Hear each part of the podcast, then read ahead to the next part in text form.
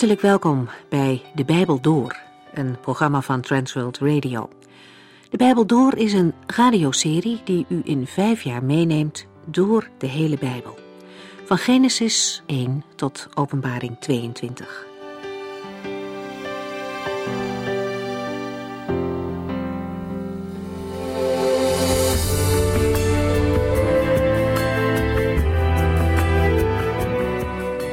Fijn dat u weer luistert. Als u regelmatig de Bijbel doorvolgt, dan weet u dat we bezig zijn in het tweede boek Kronieken. De vorige keer begonnen we met de regering van koning Joram, een schoonzoon van de goddeloze Agab. Joram regeerde acht jaar. En jammer genoeg volgde hij de voetsporen van zijn schoonvader in plaats van zijn vader. Joram was een koning die zonder God wilde leven. Hij begint zijn regeringsperiode met het vermoorden van zijn zes broers en enkele leiders van Israël. Er volgt een tijd van godsdienstig verval. En het volk gaat makkelijk achter de koning aan in zijn afgoderij. Als gevolg hiervan verliezen ze ook stukken gebied aan de vijanden. Na de tijd van overwinningen en zegen van God onder de regering van Jozefat verslechtert de situatie onder Joram snel. Zijn einde is triest. Hij mist de hulp van God omdat hij die niet wil. En daardoor krijgen vijanden de overhand. Zijn zonen en vrouwen worden meegenomen door vijandelijke legers, behalve zijn jongste zoon. En zelf sterft Joram aan een ernstige ziekte. Niemand treurt om hem. Hij was een niet geliefde koning. Hij wordt opgevolgd door zijn jongste zoon Agasja. Deze nieuwe koning is begin veertig maar hij laat zich in zijn beslissingen leiden door zijn moeder en door mensen uit het gevolg van Agap. Zijn regering duurt maar één jaar en kenmerkt zich door goddeloosheid. Hij wordt omgebracht door Jehu. Hij wordt echter wel op een waardige manier begraven, omwille van zijn grootvaders trouw aan God. En dan, dan is er niemand meer om te regeren. Agasja's moeder roeit het hele koninklijke geslacht uit en gaat zelf regeren. Er lijkt een einde te komen aan de lijn van David op de troon. Maar Gods beloftes zijn nooit leeg. Er is een prinses die in een periode van moord en doodslag de moed heeft om een jongetje van een jaar te verbergen in de tempel. Joas, de jongste zoon van Agasja, blijft in leven. Hij groeit op in het huis van God, verborgen voor de vijand. En als hij zeven jaar is, wordt hij koning over Israël. En zo komt er een einde aan de macht van de goddeloze koningin moeder. Er breekt een nieuwe tijd aan voor het volk van God met de regering van Joas. En men maakt opnieuw de keuze om een volk van God te zijn.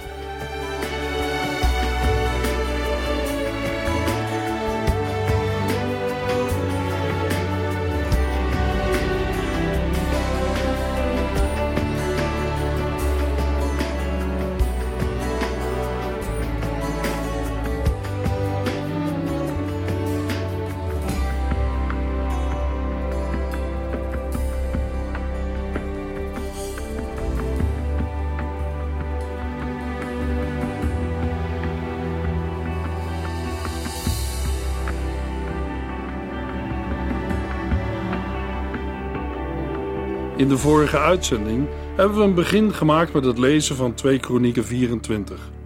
In 2 Kronieken 24 staat het verloop van de regering van koning Joas centraal. De beschrijving wordt gekenmerkt door een duidelijk keerpunt bij de dood van Jojada. Zolang de hoge priester Jojada leeft, leefde Joas zoals de Heere dat wilde. De hoge priester Jojada arrangeert twee huwelijken voor Joas, waaruit zonen en dochters worden geboren. Zo komt het koningshuis, waarvan Joas de enige overlevende was, opnieuw tot bloei en is het voortbestaan van het koningshuis van David veiliggesteld. De herleving van het koningshuis is een bewijs van Gods trouw aan zijn belofte aan David. 2 Kronieken 24, vers 4 tot en met 6. Enige tijd later besloot Joas dat de tempel van de Heere hoog nodig moest worden gerestaureerd. Hij riep de priesters en de levieten bij zich en gaf hun de volgende instructies: Breng een bezoek aan alle steden van Juda en haal het jaarlijkse geld bijeen voor het bouwfonds. zodat we de tempel in een goede staat kunnen houden. Wacht daar niet mee, doe het nu. Maar de Levieten namen er alle tijd voor. Daarop riep de koning de hoge priester Jojada bij zich en vroeg hem: Waarom hebt u er niet op gelet dat de Levieten op tijd de tempelbelasting gingen innen in de steden van Juda en in Jeruzalem? De belastingwet van Mozes, de dienaar van de Heere, moet worden nageleefd om de tempel te kunnen opknappen.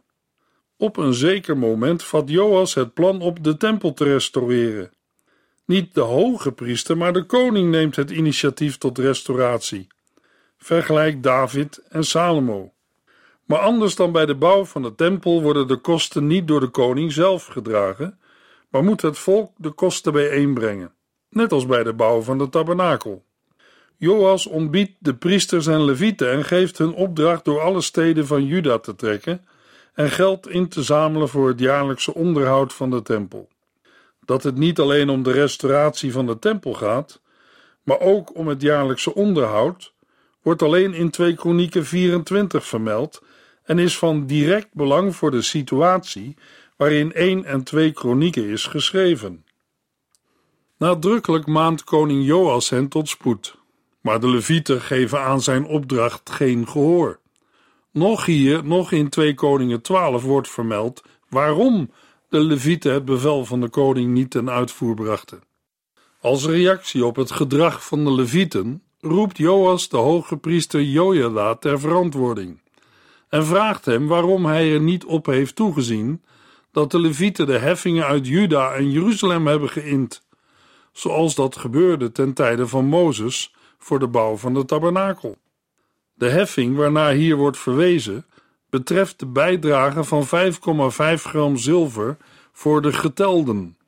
Volgens nummer 1 en 26 alleen mannen van 20 jaar en ouder. In het geval van Mozes ging het om een eenmalige verplichte bijdrage. Maar volgens 2 Kronieken 24 vers 5 gaat het hier om een jaarlijks terugkerende bijdrage. Ook later, na de ballingschap, was er sprake van een jaarlijkse bijdrage voor de tempel. In de tijd van Nehemia werd er ook een vast bedrag per jaar geïnd. Later werd dit bedrag verhoogd tot 5,5 gram zilver. Het bedrag dat we ook in 2 Kronieken 24 vinden.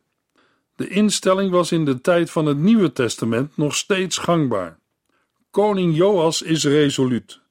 De belastingwet van Mozes moet worden nageleefd om de tempel te kunnen opknappen. 2 Kronieken 24 vers 7 De goddeloze Atalja en haar zonen hadden flinke beschadigingen aan de tempel toegebracht en hadden alle voorwerpen die aan de verering van God waren gewijd overgebracht naar de tempel van de Baals. Uit 2 Kronieken 22 vers 1 en 10 blijkt dat al de zonen van Atalja dood waren. Daarom is het beter om hier niet met zonen te vertalen, maar met handlangers. In 2 Kronieken 23 vers 17 lazen we al over de verbondenheid van Atalja met de Baaldienst. Vers 7 maakt duidelijk waarom een restauratie van de tempel nodig is.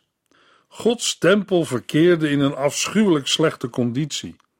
Daarom neemt Joas de zaak in eigen handen. 2 Kronieken 24, vers 8 tot en met 10. De koning gaf opdracht een kist te maken die buiten de tempelpoort moest komen te staan. Daarna ontvingen alle steden van Juda en alle inwoners van Jeruzalem de mededeling dat zij de belastingsom die Mozes, de dienaar van God, Israël had opgelegd, naar de Heer moesten brengen. En alle leiders en burgers waren blij, brachten het geld en deden het in de kist tot die helemaal vol zat.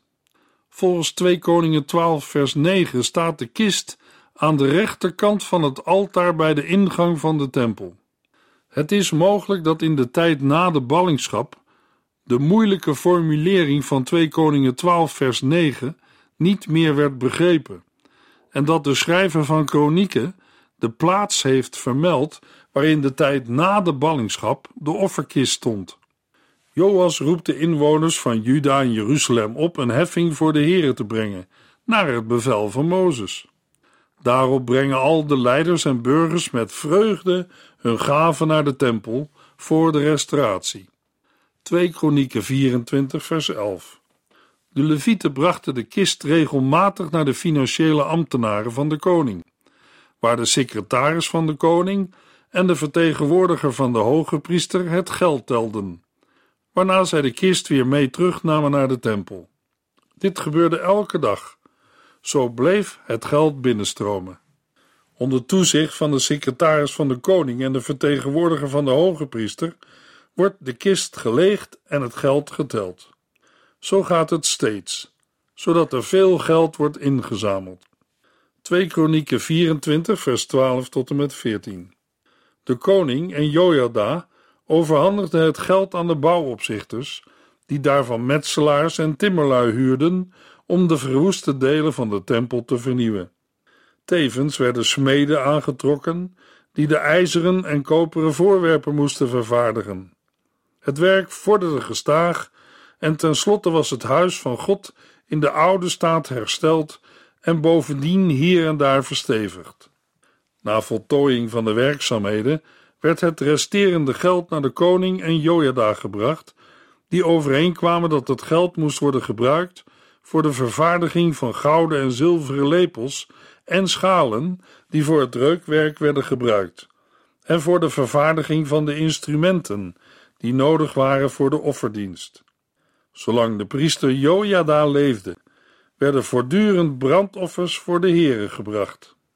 De koning en Jojada stellen het geld beschikbaar aan opzichters over de herstelwerkzaamheden aan de tempel. Die huren daarvan werklui om de herstelwerkzaamheden uit te voeren aan de tempel. De tempel wordt in de oude staat hersteld.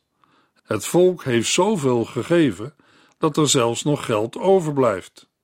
Jojada laat van het overgebleven geld allerlei voorwerpen maken die nodig zijn voor de tempeldienst. Zolang Jojada leefde, werden er voortdurend brandoffers in de tempel gebracht. Met deze woorden wordt met vers 14 de eerste periode uit de regering van Joas afgesloten. 2 Kronieken 24, vers 15 en 16. Jojada bereikte een erg hoge leeftijd en stierf toen hij 130 jaar oud was. Hij werd begraven in de stad van David, tussen de koningen, omdat hij veel goeds had gedaan voor Israël, voor God en voor de tempel. Jojada wordt oud en hoog bejaard en begraven in Jeruzalem, in de koningsgraven, vanwege het goede dat hij voor Israël heeft gedaan. Hoewel Jojada via zijn vrouw verbonden was met de koninklijke familie, is zijn begrafenis een bijzonder eerbetoon. Het getuigt van Jojada's hoge aanzien in Jeruzalem. In 1 en 2 Kronieken is Jojada de enige die geen koning is geweest. Hij is ook de enige niet-koning van wie bekend is dat hij tussen de koningen in de stad van David is begraven. 2 Kronieken 24, vers 17 en 18. Maar na de dood van Jojada kwamen de leiders van Juda bij koning Joas om hem te eren, en zij verleidden hem ertoe de tempel van de God van hun voorouders de rug toe te keren en in plaats daarvan schandelijke afgodsbeelden te gaan vereren. Daarom richtte de toorn van God zich opnieuw op Juda en Jeruzalem, vanwege de schuld die zij op zich hadden geladen. Jojada is altijd de belangrijkste adviseur van Joas geweest. Als Jojada overleden is, luistert Joas naar de leiders van Juda. Hun adviezen leiden ertoe dat de Israëlieten opnieuw de tempel verwaarlozen en de afgodendienst invoeren, zodat de toorn van de Heere tegen Juda en Jeruzalem ontbrandt. 2 Kronieken 24 vers 19 God stuurde daarom profeten die hen weer moesten terugbrengen bij de Heere, maar niemand wilde naar hen luisteren. In zijn genade zendt de Heere profeten om te waarschuwen, maar ze willen niet luisteren. Dan zendt de Heer een boodschap door een zoon van Jojada. 2 Kronieken 24 vers 20 en 21 Toen kwam de geest van God over Secharia, de zoon van Jojada. Hij belegde een bijeenkomst voor alle burgers en zei: God wil weten waarom u zijn geboden niet gehoorzaamt. Want als u dat niet doet, zal alles mislukken wat u wilt ondernemen. U hebt de Heere verlaten En nu heeft hij u ook verlaten. Het volk beraamde toen een plan om Zacharia te vermoorden. En uiteindelijk gaf koning Joas zelf het bevel dat hij moest worden gestenigd op het voorplein van de tempel. De geest van God komt over Zacharia, de zoon van de hoge priester Jojada. Hij is zelf een van de priesters en wordt door de Heere geroepen om als profeet de Israëlieten te waarschuwen. Hij gaat voor het volk staan en vraagt vermanend waarom het volk de geboden van de Heere overtreedt en zo een voorspoedig leven afwijst. Nu het volk de Heere verlaten heeft, zal de Heere het volk verlaten. Zacharia moet zijn profetische woorden met de dood bekopen. Op bevel van Joas wordt hij in de voorhof van de tempel gestenigd. Jojada wilde destijds voorkomen dat de tempel door bloedvergieten verontreinigd werd.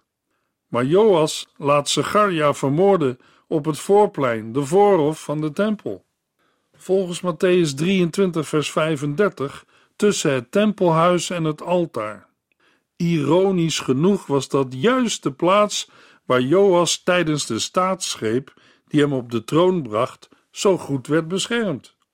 De moord op Zacharia wordt in het Nieuwe Testament genoemd als een voorbeeld van het vergieten van onschuldig bloed van door de Heere gezonde profeten. Jojada heeft Joas leven gered en hem altijd met raad en daad terzijde gestaan.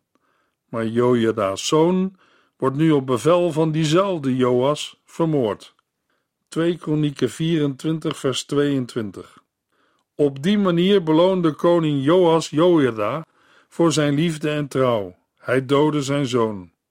Zacharia's laatste woorden voor zijn terechtstelling waren: Here, kijk naar wat zij doen en zet het hun betaald. Zacharia's nabestaanden kunnen zijn dood niet wreken. De koning zelf, die aan het hoofd van de rechtspraak staat, is schuldig aan zijn dood. Zacharia beroept zich op een nog hogere rechter, want terwijl hij sterft, vraagt hij de Heere het onrecht te vergelden dat hem is aangedaan. 2 Kronieken 24 vers 23 tot en met 27 Rond de jaarwisseling vielen daarom de Syriërs het land binnen en veroverden Juda en Jeruzalem. Zij doden alle leiders van het land en stuurden de hele buit naar de koning van Damascus. Dat was een groot succes voor het kleine Syrische leger. Maar de Heere zorgde ervoor dat de Syriërs het veel grotere leger van Juda overwonnen, omdat zij de Heere, de God van hun voorouders, de rug hadden toegekeerd. Op die manier voltrok God het vonnis over Joas. Toen de Syriërs zich terugtrokken en Joas zwaar gewond achterlieten, besloten zijn eigen medewerkers hem te doden, omdat hij de zoon van de priester Jojada had laten vermoorden. Zij vermoordden hem terwijl hij in bed lag en begroeven hem in de stad van David, maar niet op de koninklijke begraafplaats. Wie meer wil weten over de zonen van Joas, de vervloekingen die op Joas rusten en de restauratie van de tempel, kan daarover lezen in het boek van de koningen. Na Joas dood werd zijn zoon Amasja koning. Zecharia's gebed om vergelding wordt verhoord en het onschuldig bloed dat heeft gevloeid gewroken.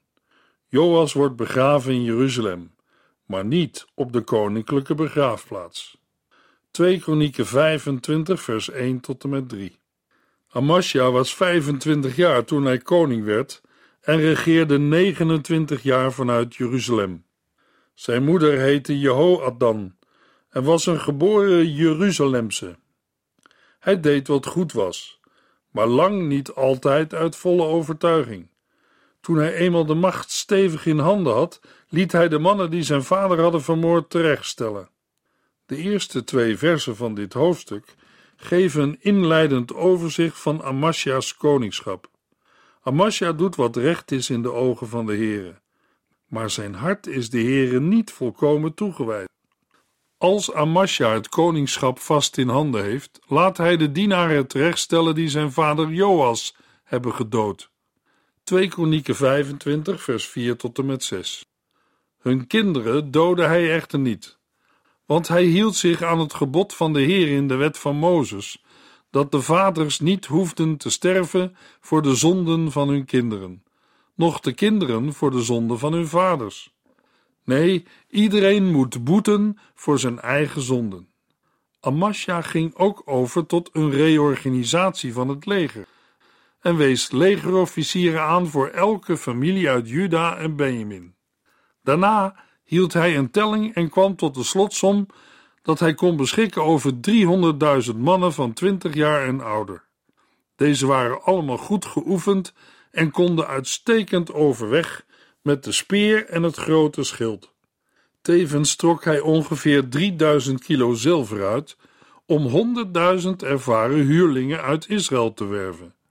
Amasja wordt aan het begin van zijn regering geschilderd als iemand die de wet van de Heere wil navolgen in de beslissingen die hij als koning neemt. Ook als dat indruist tegen wat in zijn cultuur gebruikelijk is. Dat we in vers 2 hebben gelezen dat Amasja de Heere niet volkomen is toegewijd, doet al vermoeden dat zijn toewijding niet altijd zo zal blijven. Amasja wil zijn leger reorganiseren. Op het eerste gezicht is het een groot leger, maar het is beduidend kleiner dan ten tijde van Asa en Jozefat. Amasja vult zijn troepen aan met een huurleger uit het tien stammenrijk. Maar daar is de Heere het niet mee eens en stuurt een profeet naar Amasja. 2 Kronieken 25 vers 7 en 8 Maar toen kwam een profeet met de volgende boodschap van de Heere. Koning, huur geen troepen uit Israël, want de Heer is niet van plan hen te helpen. Nee, niemand uit Ephraim zal hij helpen. Als u hen toch met uw troepen de oorlog laat ingaan, zult u worden verslagen, ongeacht de kwaliteit en moed van uw manschappen. God heeft de macht om te helpen en om te laten mislukken. De profeet waarschuwt de koning geen huurlingen uit het tien stammenrijk mee te nemen, omdat de Heere niet met Israël is. De profeet waarschuwt Amasja om op de Heere te vertrouwen. 2 Kronieken 29 vers 9 tot en met 11 Maar het geld dan, protesteerde Amasja, dat ben ik dan ook kwijt. Waarop de profeet antwoordde, de Heere kan u veel meer geven dan dat. Amasja stuurde tenslotte de huurlingen terug naar Ephraim. Die waren erg kwaad op Juda en gingen woedend naar huis. Amasja zette daarna echter door, leidde zijn leger naar het Zoutdal en doodde daar tienduizend man uit het gebergte Seir. Amasja gehoorzaamde en de Heere gaf hem een overwinning op de mannen van Seir. Dat zijn de Edomieten. De strijd vond plaats bij de Dode Zee. Na de Edomieten te hebben verslagen, keerde koning Amasja terug. Hij had de afgodsbeelden die waren buitgemaakt op de mensen uit het gebergte van Seir meegenomen en zette die neer als goden. Hij boog voor hen en verbrandde er zelfs reukwerk voor.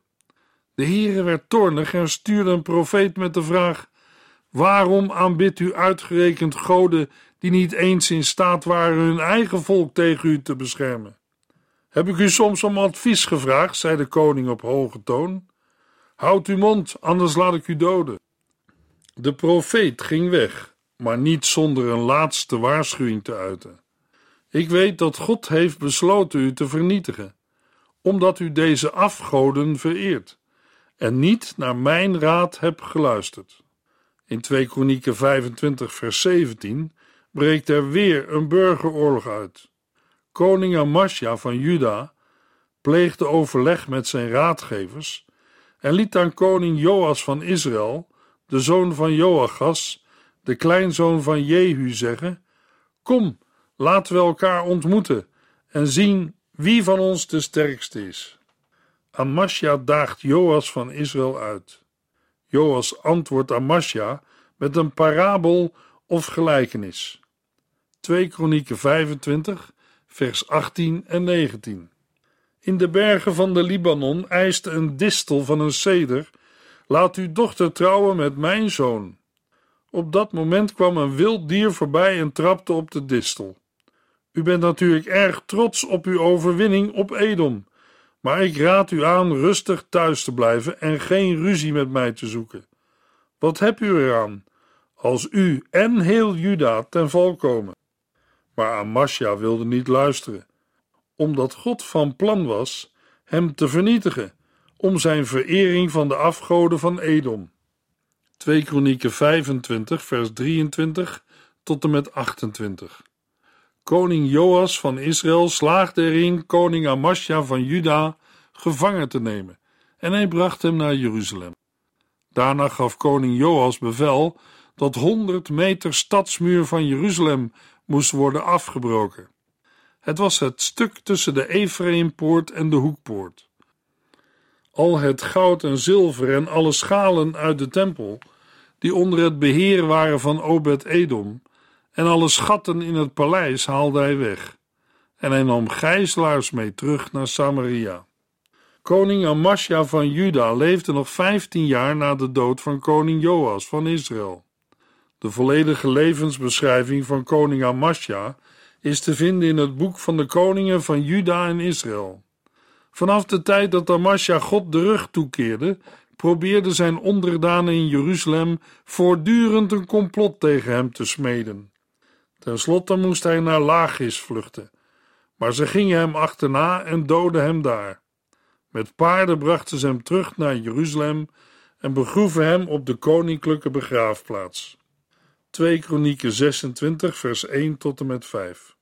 De inwoners van Juda kroonden hierna Amasja's 16-jarige zoon Uzia tot hun nieuwe koning.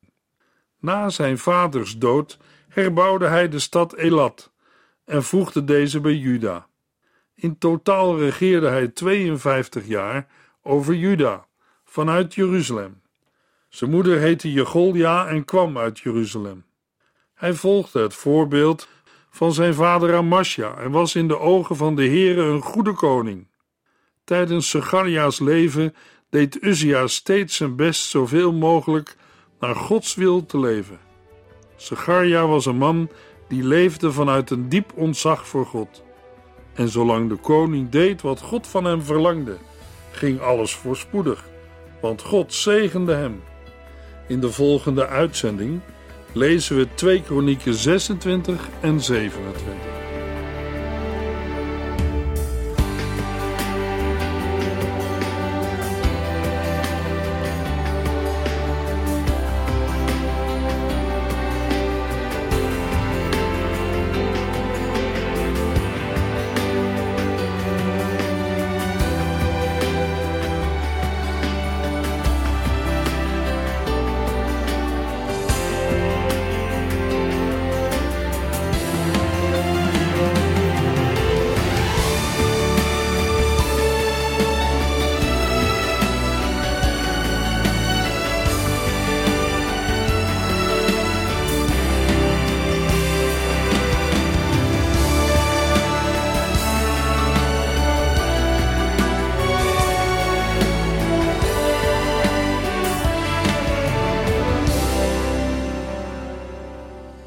Geluisterd naar De Bijbel Door.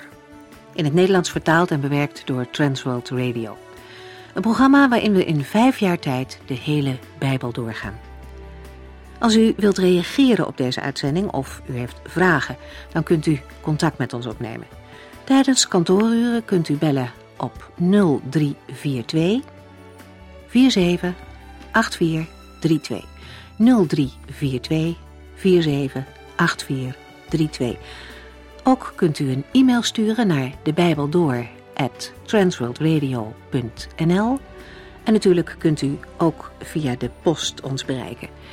TWR, postbus 371, postcode 3770, AJ in Barneveld. Dit programma werd gepresenteerd door Cor Weda en Ike André. Techniek was in handen van Odin van Woerdekom. En wij allemaal bedanken u voor het luisteren. Graag tot de volgende keer.